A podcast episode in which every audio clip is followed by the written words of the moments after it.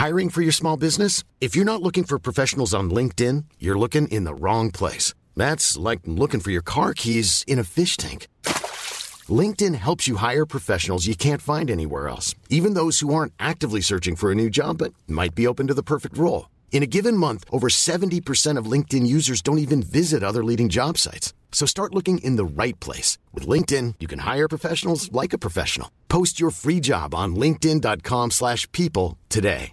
Burrow's furniture is built for the way you live. From ensuring easy assembly and disassembly to honoring highly requested new colors for their award-winning seating, they always have their customers in mind. Their modular seating is made out of durable materials to last and grow with you. And with Burrow, you always get fast, free shipping. Get up to 60% off during Burrow's Memorial Day sale at burrow.com slash ACAST. That's burrow.com slash ACAST. burrow.com slash ACAST. Since 2013, Bombas has donated over 100 million socks, underwear, and T-shirts to those facing homelessness. If we counted those on air, this ad would last over 1,157 days. But if we counted the time it takes to make a donation possible, it would take just a few clicks. Because every time you make a purchase, Bombas donates an item to someone who needs it. Go to bombas.com slash ACAST and use code ACAST for 20% off your first purchase. That's bombas.com slash ACAST, code ACAST.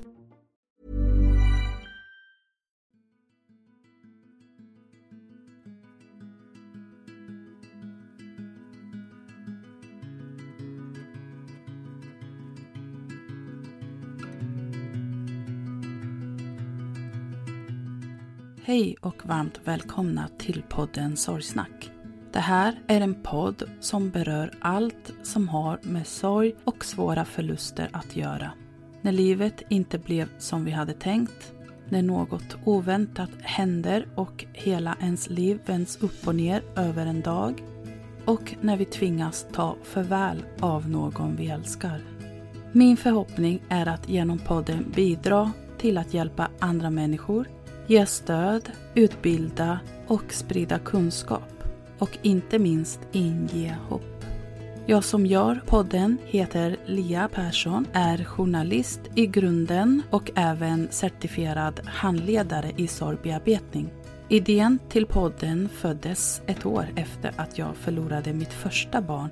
Det här var början på mitt nya liv. Livet som nybliven mamma och samtidigt änglamamma.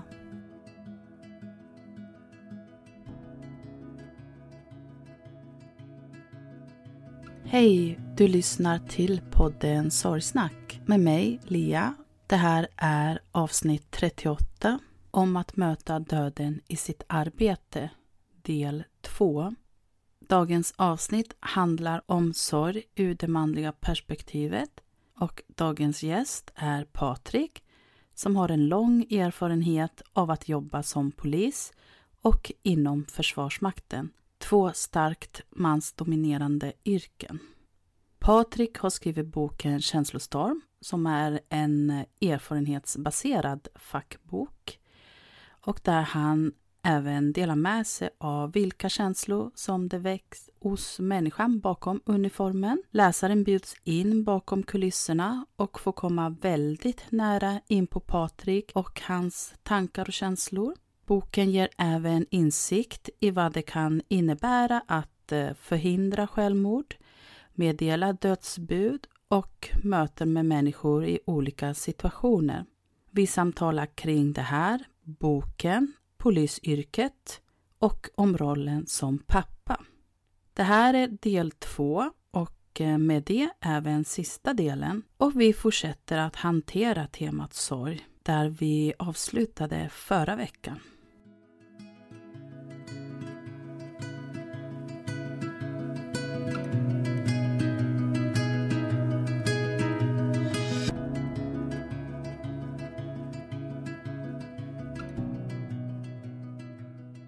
Hur vanligt förekommande skulle du säga att det är att en polis får lämna dödsbud?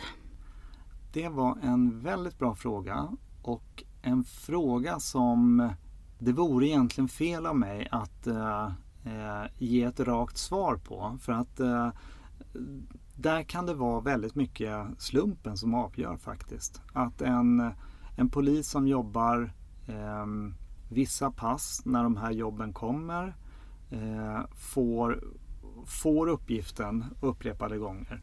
Men eh, ser jag till egen karriär så, ja men säg att under ett års tid, eh, ett dödsbud i halvåret. Men det kan också spela, eh, spela roll var någonstans i landet eh, man arbetar och eh, där det finns vissa eh, vissa enheter som, som har det mer som, som sitt, sitt arbete.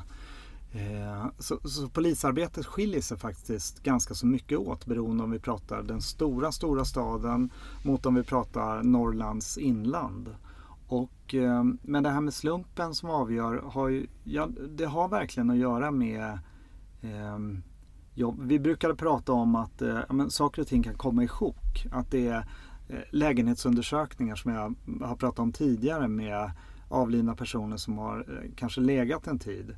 Upplevelsen av att det här kommer sällan ensamt utan då är det ett antal eh, som följer på varandra. Och sen om det stämmer att det är, eller om det bara är känslan av det. Samma med trafikolyckor som är kanske av någon viss karaktär att det är eh, mer förolyckade personer eller förolyckade personer. Eh, men för egen del, ja mellan ett och upp till, till två stycken på, på ett år. Och här ska sägas också att jag idag inte arbetar i den yttre tjänsten. Ehm, så att ehm, jag går tillbaka i, i mm. minnet här när, när du mm. ställer frågan. Ja, men hur vanligt är det då? Men samtidigt som man kan säga så här också. Jag vågar nog påstå att det finns kollegor som aldrig har meddelat ett dödsbud.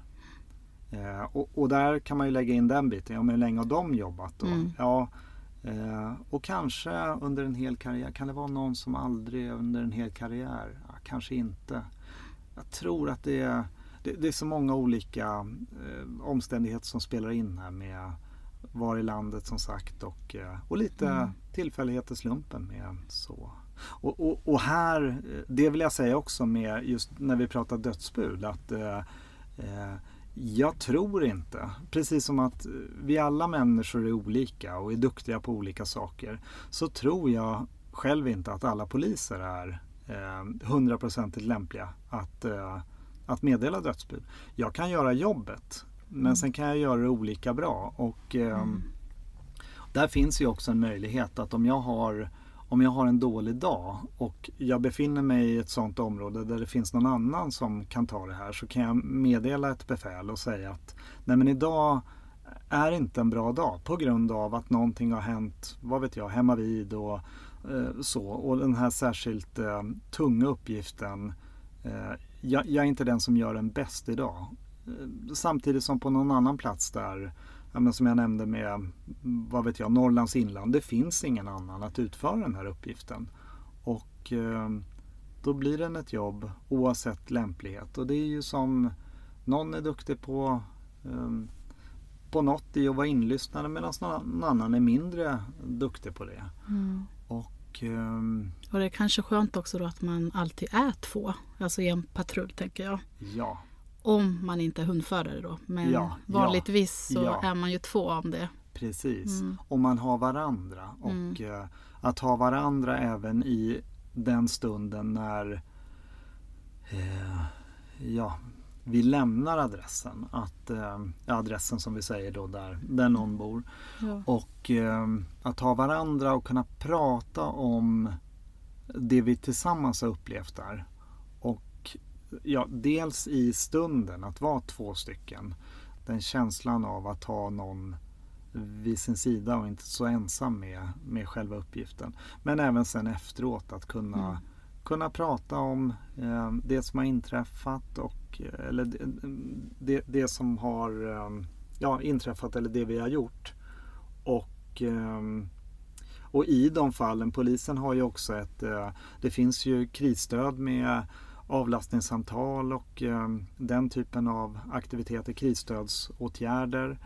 Vilket eh, inte bara behöver vara de här särskilt våldsamma händelserna eller att det är skjutvapen som används eller något liknande, upplopp och så. Utan det kan ju vara för mig att ja, men just den här situationen känner jag att jag behöver prata med någon sen efteråt. Att mm. det här dödsbudet, ja men det var särskilt tungt för mig. På grund av ja, de jag åkte hem till, det kanske liknade mina egna familjeförhållanden. Att det är sådana saker eller att eh, barnet som i det här fallet eh, i liknande ålder som min egen mm. son eller dotter. Så att det kan påverka oss väldigt, väldigt olika och där, där finns ett, eh, ett utbyggt krisstöd inom Polismyndigheten som, som har en beredskap och som tar sig an uppdrag även om det är så att jag som enskild polisman om det inte signaleras direkt att det här är någonting där krisstödet ska kopplas in. För det finns sådana situationer när det sker per automatik att krisstödet kopplas in. Men jag mm. kanske tycker att nej men den här situationen var särskilt tung för mig och jag behöver någon att, att prata med. Så, så finns det stödet där och det, det känns väldigt bra också vid sidan av att jag har min kollega med mig så har jag eh, Polismyndigheten i ryggen och eh, ett omhändertagande utifrån arbetsmiljöperspektivet som, eh, som blir fallet där. Mm. Och eh, apropå att påverkas. Eh, du har ju varit med om väldigt mycket i din karriär kan vi konstatera. Mm. Hur har det påverkat dig som Patrik privat mm. och eh, känslomässigt? Mm. Jo, jag har varit med om väldigt mycket. Det har blivit eh, genom åren möten med döden i olika uniformer och eh, det här har ju påverkat mig utifrån att eh, jag ser att eh, livet kan det kan ta slut väldigt snabbt vilket har fått mig att eh, mycket uppskatta livet. Uppskatta dagen. Att, eh, och jag tänker, jag har sagt det till kollegorna några gånger att eh, ja, men då fick jag en dag till här. Vad glad jag är för det. Nu tänker jag att den här dagen ska, ska bli något, något bra av. Att någonstans vara i, i nuet, att ta tillvara på nuet. Eh, för att livet är skört och det kan gå fort och det kan vara borta och det kan vara genom sjukdom eller olycksfall eller uppsåtligt brott eller något annat så kan det gå väldigt fort och så är det, så är det borta där. Och jag tänker rent påverkansmässigt annars genom att ha kommit i kontakt med så många olika situationer i, ja men som jag skriver om, i allt ifrån Försvarsmakten till polisen till eh, den kommunala räddningstjänsten där jag hade en medarbetare som eh, blev påkörd en morgon och eh, avled på arbetet, en brandman. Så har jag kommit till insikten om att det kan gå väldigt, väldigt snabbt. Eh, och just det här att inte ja, men på något sätt ta, ta någonting för givet. Att eh, det här är för alltid. Utan, och tänker mycket på det faktiskt har det blivit. Just det här att stanna upp och reflektera över livet och eh, att göra, försöka göra eh, så bra som möjligt av, av varje dag. Sen är livet vad det är med rutiner med jobb och så vidare. Men att ändå eh, värdesätta, det tror jag. Ja, men att värdesätta livet. Eh, mycket. Och rent känslomässigt. Det här har ju fått mig att kunna, från den här unga omogna, som jag vågar påstå, eh, militären där och då. Liten pojke. Att ha vuxit som människa och eh, lärt mig vad, vad känslor är för någonting och att eh, lärt mig hantera känslorna utifrån att eh, lära känna mig själv mycket. Att eh, nej men jag, är, jag är sårbar precis som alla andra. Och eh, jag är inte den här machomaskinen som, som var fallet då. Utan jag är en sårbar människa som känner saker utifrån situationer som jag utsätts för. Det har väl hjälpt mig i livet också att eh, utforska den egna känslorepertoaren. Allt mm. ifrån att kunna känna riktig glädje i de situationerna till riktig sorg i, i andra situationer och att, eh, att det är okej okay också att visa känslor. Det är väl någonting som har gjort, eh, ja, som har blivit med mig. Att det är, det är okej okay. och det är någonting som får mig att, eh, att kunna hantera svåra situationer. Och kanske inte bara, nu säger jag svåra situationer, men även andra situationer i, i vardagen. Att det är okej okay att känna. Det är någonting som, som är naturligt och som, som får mig att kunna hantera situationer som sagt i, av, av olika slag. Så, Så skulle du säga att du har lätt idag för att just vara i dina känslor och lätt att prata om dina känslor? Det skulle jag påstå. Att, uh, att jag har lättare. Uh, mm. Lätt, lättare. Men att um, ja, den här yrkesresan. Det här är ju också uh, yrkesbetonade möten med döden som, som jag har med mig i bagaget. Att den här ryggsäcken har ju den har fyllts på med massa mm. saker och ting och genom att den har fyllts på så Ehm, och även att, som, som jag gör i boken, att jag packar upp ryggsäcken och tittar på de här olika händelserna som allt ifrån ja, men det vi har pratat om nu, olika, olika saker och eh, försökt att förstå vad, vad var det som hände? Hur gick det till? Min reaktion där och då. Den resan bakåt i tiden har fått mig att eh, kunna göra en resa framåt i tiden också med möjligheten att eh, bättre förstå mig själv och eh, just med eh, känslobiten. Att eh, jag är, jag är en sårbar människa som eh, eh, det är inte konstigt att det ser ut som, som det gör, att reagera med känslor. Och, och någonting som jag så här i efterhand är stolt över också, att det har kommit till den punkten att eh, kunna vara den personen som som jag har kommit till att bli. Och eh, att vara en, en kännande människa. Och det är lite med, med boken också, titeln Känslostorm. Ja men det, det stormar eh, mm. rakt igenom. Eh, nu är det inte mycket av vad ska man säga, ren glädje. Det är inte dem. Det kanske blir en annan bok som är på det privata planet, vad vet jag, med, med det. Men att det har hjälpt mig att förstå att eh, känslorna finns där och eh, den här paletten, det finns så många olika delar och eh, har hjälpt inte bara mig utan även att förstå andra människor som eh, hamnar i situationer och hur jag kan eh, lättare, ja men tillbaka till de här mötena med, med människor, lättare förstå eller bättre förstå eh, känslouttryck och, och så. Du nämnde ju också att du har två barn. Ja, stämmer. Det stämmer. Mm. Ja, hur gamla är de? Eh, 17 och 23 mm. är de nu. Hur skulle ja. du säga att eh, det är för dig som pappa, i din papparoll, att möta dina barn när de går igenom en svår period i livet? Ja, eh, föräldraskapet. Mm. Vad spännande. Eh, nej men där, eh, om, om jag ser till mig själv som, som förälder, vilket utifrån frågan här nu, så där fi, finns alltid att göra. Att bli en, en bättre förälder. Och jag skulle vilja, ja men emellanåt, om jag ser till, till dottern som nu är 23, att flytta tillbaka till när hon var 15. Att där och då med den kunskapen kunna ja, men kanske möta henne på ett bättre sätt än vad som var fallet. Men den chansen ges ju inte utan nu är hon 23 och eh, det jag kan få där då det är att möta sonen. Jag kan ju relatera till 17 år och vart var hon i livet då? Så att den här föräldraresan den är ju en gång på det viset att eh, det, är en, det är en viss ålder. Och eh, om jag rannsakar mig själv, vilket jag gör och eh, bör göra här nu.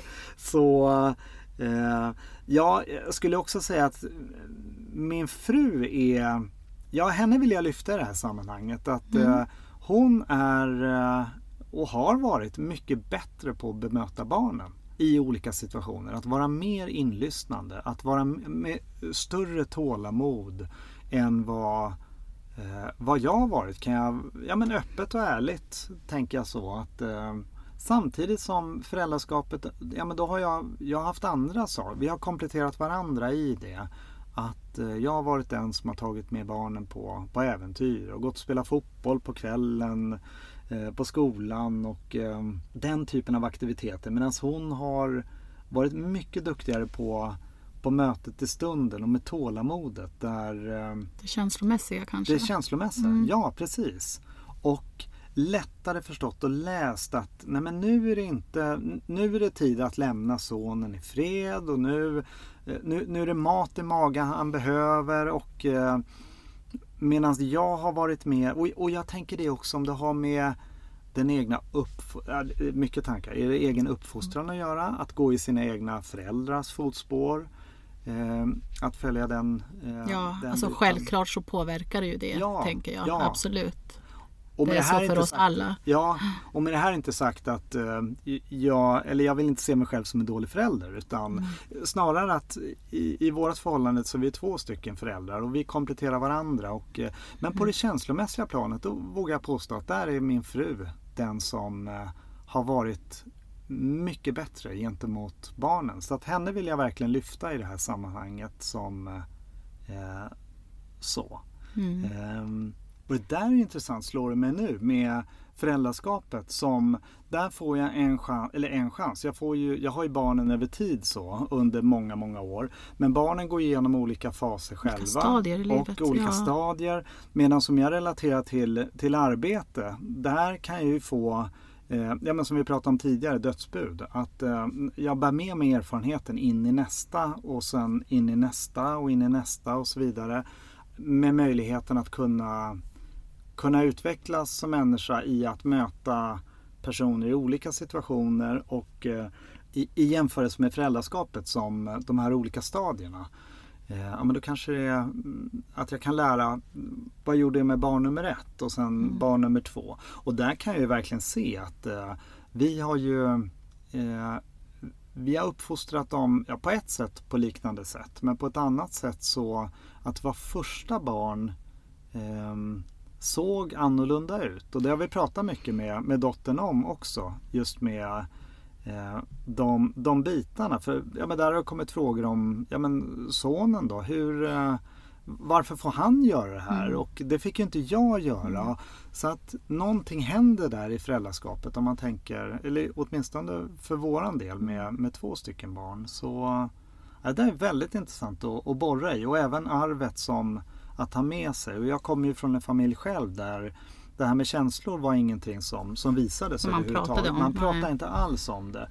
Och jag fick aldrig någonsin höra vad jag kan minnas att uh, mina föräldrar älskade mig. Och med det, inte sagt att de inte gjorde det, men det var inget som uttrycktes. Och, um, och det är väl någonting som, som jag har tänkt på så här i efterhand utifrån att ja, men hur har det påverkat mig då i föräldrarollen. Att, Hur eh, har det påverkat dig skulle du säga? Ja, eh, det har påverkat mig utifrån att ja, men jag pratade med dottern så sent som eh, igår och eh, vi brukar avsluta samtalet med att eh, någonting i stil med eh, ja, att jag älskar dig har, det har kommit på senare tid att jag börjar säga det. Om det har att göra med det jag bär med mig eller något annat. Men det har inte kommit naturligt. Eh, så. Även om jag älskar henne. Det, det, är inte det vi pratar om utan verkligen, jag älskar henne. Men att sätta ord på det på det viset i eh, situationen i telefon. Vilket gör att eh, det där är, ja men det har kunnat avslutas med kram eller något liknande. Men just det här att sätta sätta ord på den känslan som gentemot eh, min dotter som alltid finns där. För som sagt, jag älskar henne och eh, men i den, om jag har med mig det från, från uppväxten själv, jag vet inte. Och även det här med, har det med åldern att göra eller kan det vara olika där? Att barnen är små, de blir större? ja men det tankar? tror jag nog. Jag ja. tror att det har mycket med ålder att göra i vilket stadie de befinner sig mm. i. Ja. Jag säger till sonen varje gång som han lägger sig, jag kommer in och säger godnatt. Han är ju 17 då, eh, fyller 18. Men att eh, det har blivit att jag älskar dig. Och de gångerna som det kommer tillbaka därifrån, mm. att han säger, ja men i retur, jag älskar dig. Så varm jag blir och jag blir så mm. glad, eh, mm. verkligen, att få höra honom, 17 år gammal, att eh, eh, att, att säga det. Och det är inte varje gång men när det väl kommer i retur där, det mm. händer någonting i kroppen. Mm, jag förstår det.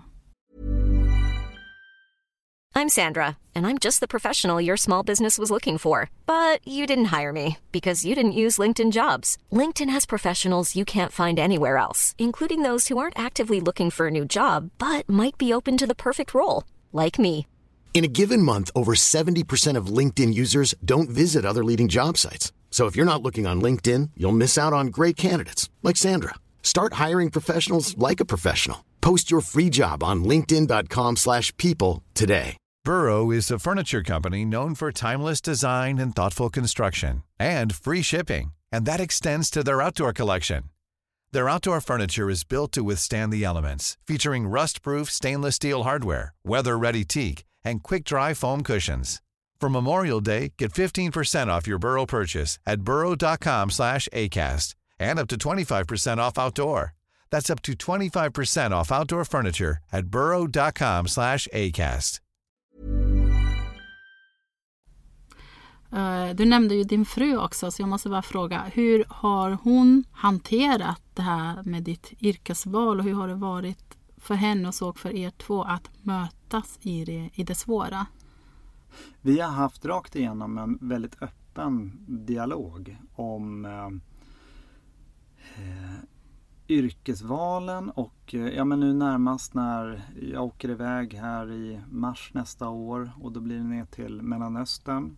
En öppen och ärlig, ärlig dialog i eh, de riskerna det innebär att, att åka iväg och eh, där jag velat ha hennes eh, men, acceptans. Att inte göra saker och ting som, som inte känns bra för henne i de olika eh, yrkesvalen och rollerna som har varit genom, genom livet. Samtidigt som eh, att jag jobbade i Försvarsmakten till en början, ja men det var innan vi träffades. In polisutbildningen och eh, eh, de händelserna, ja men där vi var ganska unga då och eh, det, var, det var inte mycket av det att är det okej okay att jag tar det här klivet in i eh, det polisiära? Vilket kanske hade att göra med också att hon heller inte riktigt visste vad som, vad som väntade där på, på andra sidan. Att, eh, så. Men däremot under, under resans gång så har det blivit, eh, jag tänker som ett av fallen i boken kapitel 3 när vi var, till, ja, vi var på ett knivmord i nära relation. Och eh, jag kommer hem efter att ha varit på den här platsen. En eh, man som mördar sin fru med 14 knivhugg i bröstet. Och vi försöker, Eh, det är jag och en kollega där som försöker få liv i henne. Men det är, hon ligger i en sjö av blod. Och, eh, gärningsmannen är kvar på platsen. och eh, jag med draget vapen griper honom eh, och sen på cykeln på vägen hem från eh, jobbet efter det att avlastningssamtal och de här sakerna är, är avslutade. Så när tårarna eh, börjar rinna ner för kinderna och eh, innan jag kliver innanför dörren så torkar tårarna, sjunker ner i soffan och hon läser på mig direkt att det här är någonting som har hänt som eh, som inte hör till, ja men inom situationstecken det vanliga. Mm. Utan någonting utöver. Och det som hade hänt då, det var ju dels den dramatiska händelsen runt omkring själva mordet. Men det hade också att göra med att eh, jag hade det framgår i boken, det får man läsa där, men professionell relation till, till den här familjen. Hade mm. mött familjen, eh, mannen, kvinnan och inte minst barnen i ett helt annat sammanhang. Och det var väl det som mycket sköljde över mig i den här situationen. Men hon läser på mig där jag sitter i soffan och har sjunkit ner verkligen eh, som en säck potatis där i soffan och eh, att någonting har, har hänt. Och här, ja, men vi har en öppen dialog och hade det då också samtidigt som det är klart det finns ju omständigheter som jag inte pratar med henne om runt omkring jobbet, detaljer eh, så. Dels för att jag inte vill att de ska veta precis allting men sen att det kan eh, finnas sekretessbitar runt omkring det. Men just mm. den här öppna och ärliga dialogen med eh, väl i jobbet men också inför att göra någonting att eh, prata om det. Hur, hur känner du inför det här nu? Att eh, ehm, ska, ska jag söka den här tjänsten att åka, åka utomlands? Vad, vad, tänker du om det? Vad innebär det för, för oss? Hur kan vi förbereda oss inför eh, det som, som komma skall? Nu just den biten, jag var ju iväg då ett år nere i Afrika och nu blir det Mellanöstern. Så har vi, vi har någonting att falla tillbaka på. Det är lättare där just att eh, eh, referensramar. Hon har varit hemma ett år själv och eh, vet vad det innebär. Vet, eh, så. Men just den öppna, öppna dialogen rakt igenom. Att kunna prata om, om saker och prata om känslor inte minst. Hur mm. känner du inför det här? Vad tänker du om det? Och eh, hur kan vi hantera det tillsammans? Eh, tillsammans som, som ett team som vi ser oss. Att, eh, ja, men det är vi två som eh, finns där, där tillsammans, lever i relationen och eh, kliver fram och stödjer varandra i att ja, men någon, eh, ibland är det jag som tar klivet fram och stöttar henne och vice versa. Att hitta, hitta det där. Men att vara öppna och alla med hur vi känner, hur vi tänker. Och, det tror jag är framgångsfaktorer i, i våra eh, förhållande i alla fall. Har det varit. Mm. Fint att höra. Mm. Mm. Ja, verkligen. Du nämner mot slutet i, i boken din pappa mm. också. Mm. Och eh, cancerbeskedet som han fick där mm. mitt i, under pandemin. Skulle du kunna berätta lite om det och eh, hur det gick och så vad som hände? Eh, pappa fick ju sitt cancerbesked Eh, precis som du sa där under pandemin och eh, beskedet om att det är prostatacancer. Högst oklart om ja, hur lång tid han hade kvar där och då. Eh, det var inte tal om veckor men det kunde vara ett halvår, kanske ett år någonstans där. Att, eh, eh det tidsperspektivet. När jag fick beskedet så, eh, ja men det här var ju, det var min pappa vi pratade om och min pappa som alltid hade funnits där. Eh, även om vår relation inte hade varit eh, hundraprocentig genom åren. Han hade eh, haft en hel del synpunkter på, ja men inte minst yrkesvalen. Att du som har utbildat dig till officer, det är ju ett yrke för livet. Och när jag kommer och säger, nej men nu ska jag göra det här. Eh, och lite, jag tänker generationer också, att eh, jag mer som en, eh, en hoppjerka.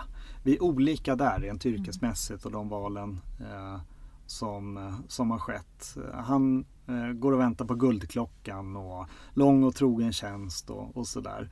Olika. Men sen så har relationen gått upp och ner genom åren och det har eh, eh ja, men haft att göra med olika saker i eh, vi är väldigt lika och jag tror att det kan göra sitt också eh, utifrån att eh, de här krockarna uppstår. Att mm. likheterna gör att han, kan se sig i mig, jag kan se mig i honom. Och eh, jag får beskedet om att eh, det är han som ringer mig och berättar att han har varit hos läkaren och fått beskedet om prostatacancer. Eh, långt gången men oklart hur lång tid som, som är kvar att, att leva.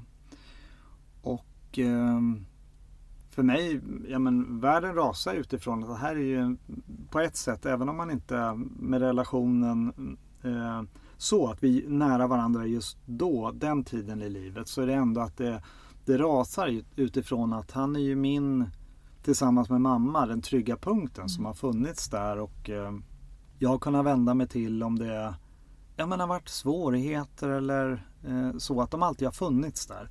Och nu med det här beskedet så eh, då, då, finns det ett slut helt plötsligt. Ett slut som inte jag har sett framför mig eller tänkt. Ja men det blir så, så påtagligt och jag blir ju ja, men självklart väldigt ledsen i den här situationen. Inte minst utifrån eh, svårigheten att veta. Ja, men när, när kommer det ta slut? Det är inte att det har tagit slut nu utan det här är någonting som kommer ske i framtiden. Och den relationen då från det här beskedet blir att eh, den blir eh, ja, men väldigt, väldigt mycket bättre oss två emellan.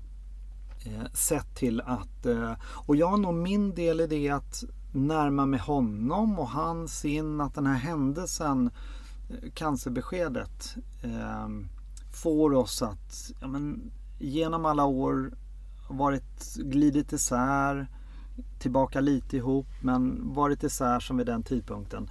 Att mötas igen och eh, med regelbunden kontakt och eh, telefonsamtal, eh, om inte varje dag så varannan dag att höras på det viset. Och eh, det här får mig också att lära känna honom eh, som person.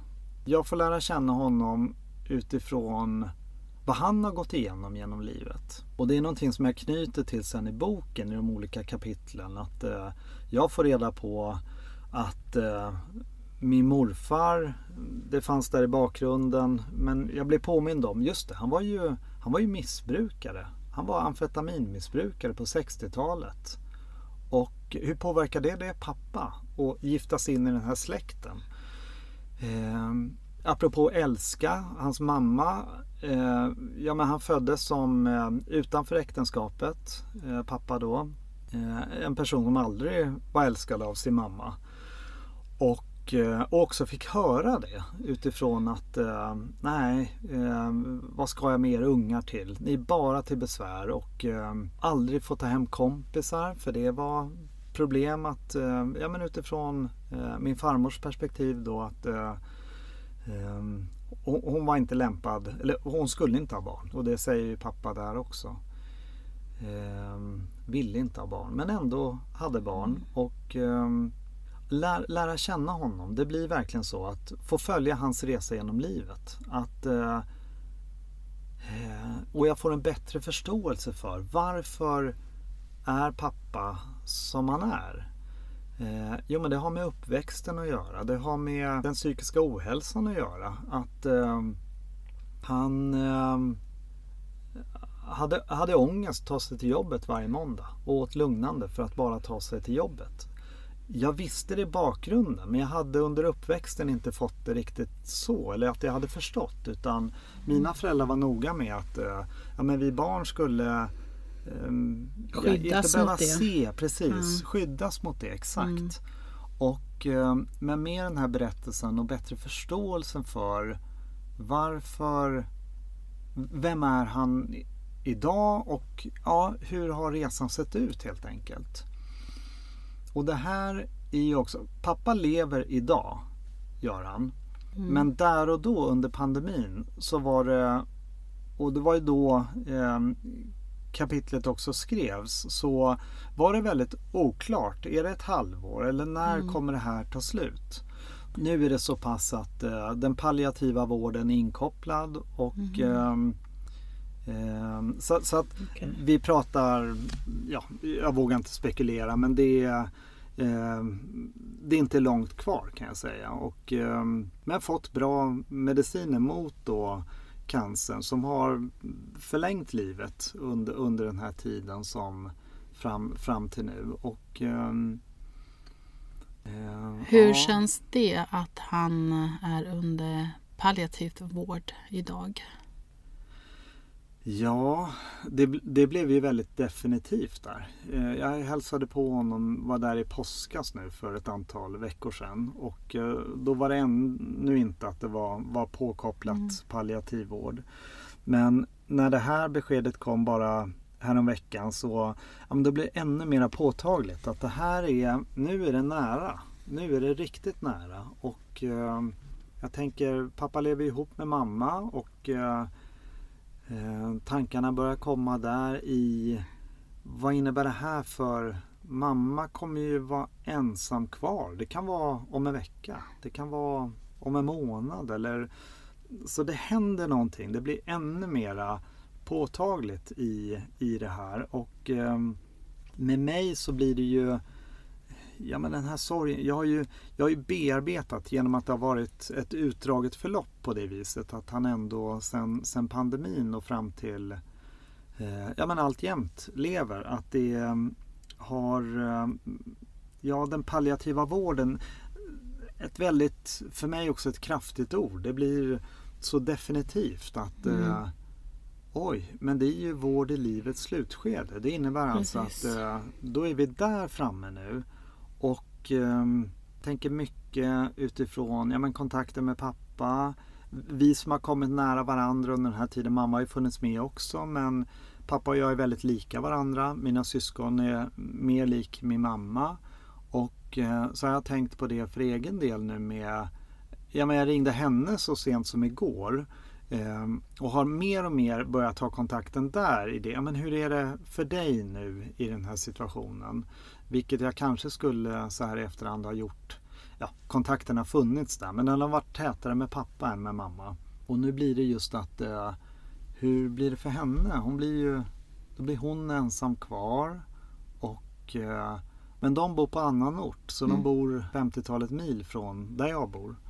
Och det är den biten också med det här avståndet, Mm. distansen. Hur blir det rent praktiskt? Eh, hon berättade för mig nu igår på telefon att eh, hon har, ja vi pratade om det sociala livet som finns där utanför och det var ja, men aktiviteter som hon nu hade eh, börjat engagera sig i. Och då, och då säger hon det också. Ja, för att jag måste ju tänka nu när pappa inte finns kvar. När han är borta. Och, ehm, och, och, och det gör mig glad inombords på det viset att hon ändå är förberedd på det viset. Och, eh, för det blir en process där också. Att ehm, skapa sig ett liv utanför eh, ja, tvåsamheten som, som har funnits där. Framförallt om man har levt med någon så länge, tänker jag. Ja, det är många, många år tillsammans. Många år och ehm, eh, att bli då ensam kvar och vad det innebär. Att eh, den här tomheten som måste uppstå. Att eh, vid frukostbordet har det alltid suttit någon på andra sidan.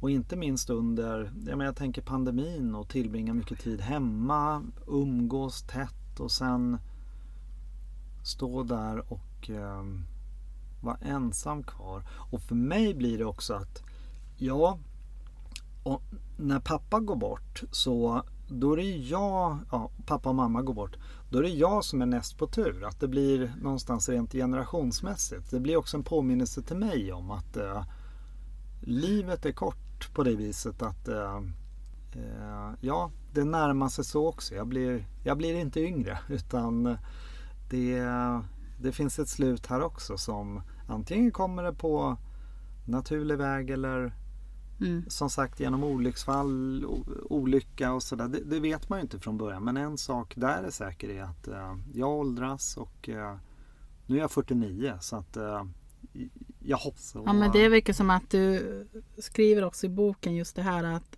alla människor kommer att gå bort någon gång. Det kan vi vara riktigt säkra på. Samtidigt kommer ändå dödsbudet som en total chock för de allra flesta. Mm. Och det tänker jag att det sker ju i det här fallet och med din pappa så, så här, oavsett för att jag tänker att det är ju väldigt svårt att vara helt, alltså 100% förberedd på själva dödsögonblicket. Mm. Däremot kan man ju självklart vara mer förberedd på och att om man har levt med det länge, Mm. att någon har varit svårsjuk som i det här fallet, Mm.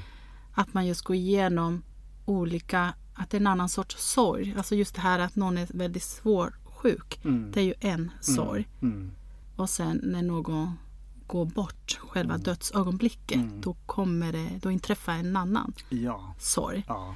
Ehm, olika typer av, av sorg. Sorg, ja. Sorg Mm. i olika faser. I, ja, men beroende på var någonstans där. Och eh, en annan typ av, av sorg. Mm, En utdragen sorg, en sorg över situationen, sjukdomen, att det finns ett slut och sen när det definitiva inträffar att eh, sorgen där och då i att ja, nu tog det slut. mm. Men sen är det också fint att det står i boken En dag ska vi dö, med alla andra ska vi leva. Mm. Och det är verkligen en fin påminnelse just att vad det handlar om, Mm. livet egentligen. Nej men verkligen att det är alla andra ska vi leva och då, ja men tillbaka till det som tror jag sa i början med att eh, det kanske blir lite klatschigt att fånga dagen. Men Mm. att ändå det Nej, finns men det något ligger där. absolut någonting i det ju såklart. Mm. Ja. Mm. Att våga också vara mer i nuet. Ja, ja.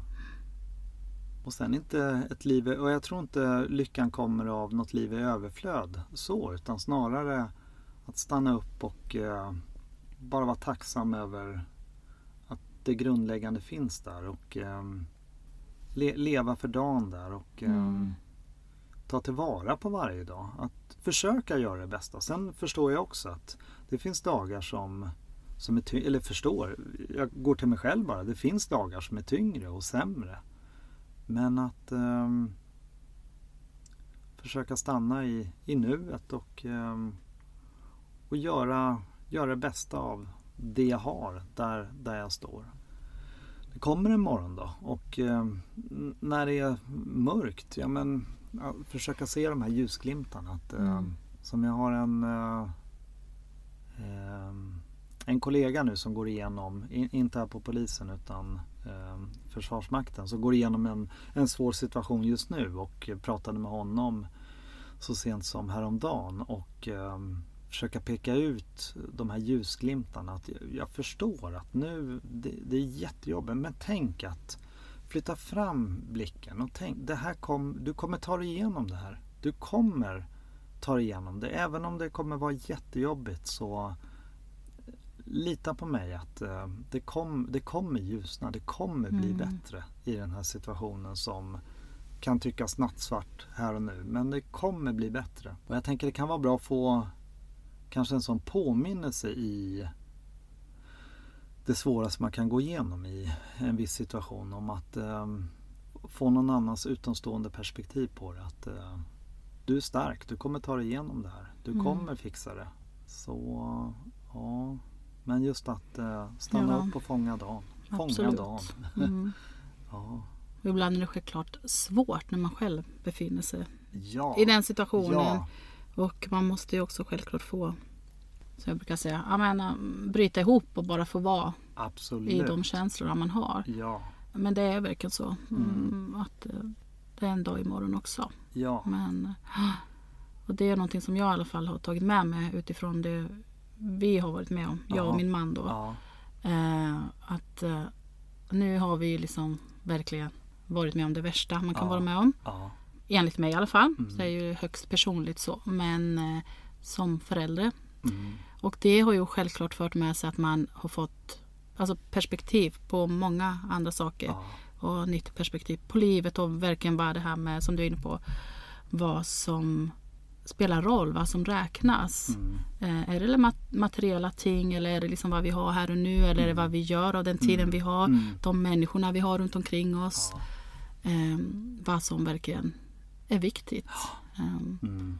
att man på något sätt har Mm. fått inte för att jag inte har uppskattat det tidigare, för det vet jag att jag gjorde.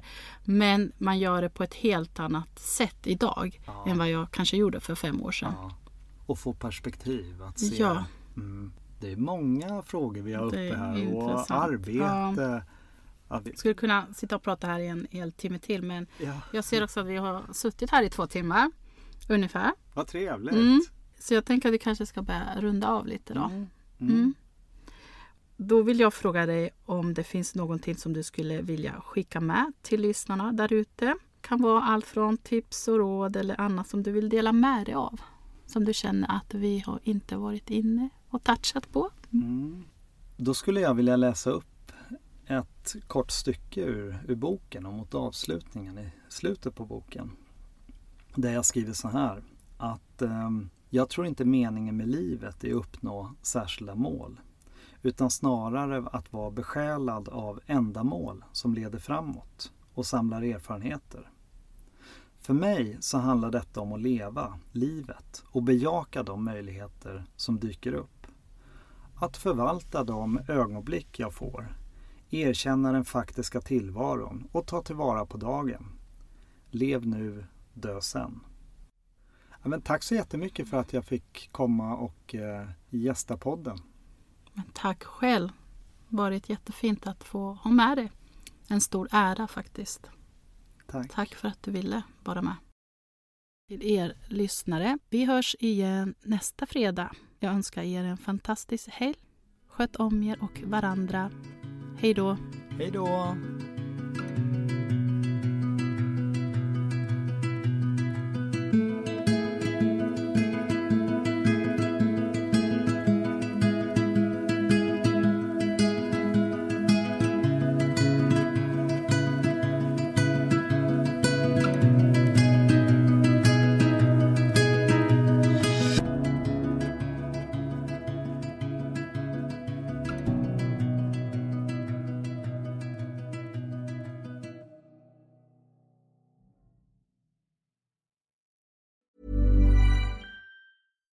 Deserves the best, and there's no better place to shop for Mother's Day than Whole Foods Market. They're your destination for unbeatable savings, from premium gifts to show-stopping flowers and irresistible desserts. Start by saving 33% with Prime on all body care and candles. Then get a 15-stem bunch of tulips for just $9.99 each with Prime. Round out Mom's menu with festive rosé, irresistible berry chantilly cake, and more special treats. Come celebrate Mother's Day at Whole Foods Market. Planning for your next trip? Elevate your travel style with Quince. Quince has all the jet setting essentials you'll want for your next getaway, like European linen, premium luggage options, buttery soft Italian leather bags, and so much more. And is all priced at 50 to 80% less than similar brands. Plus, Quince only works with factories that use safe and ethical manufacturing practices. Pack your bags with high-quality essentials you'll be wearing for vacations to come with Quince. Go to quince.com slash pack for free shipping and 365-day returns.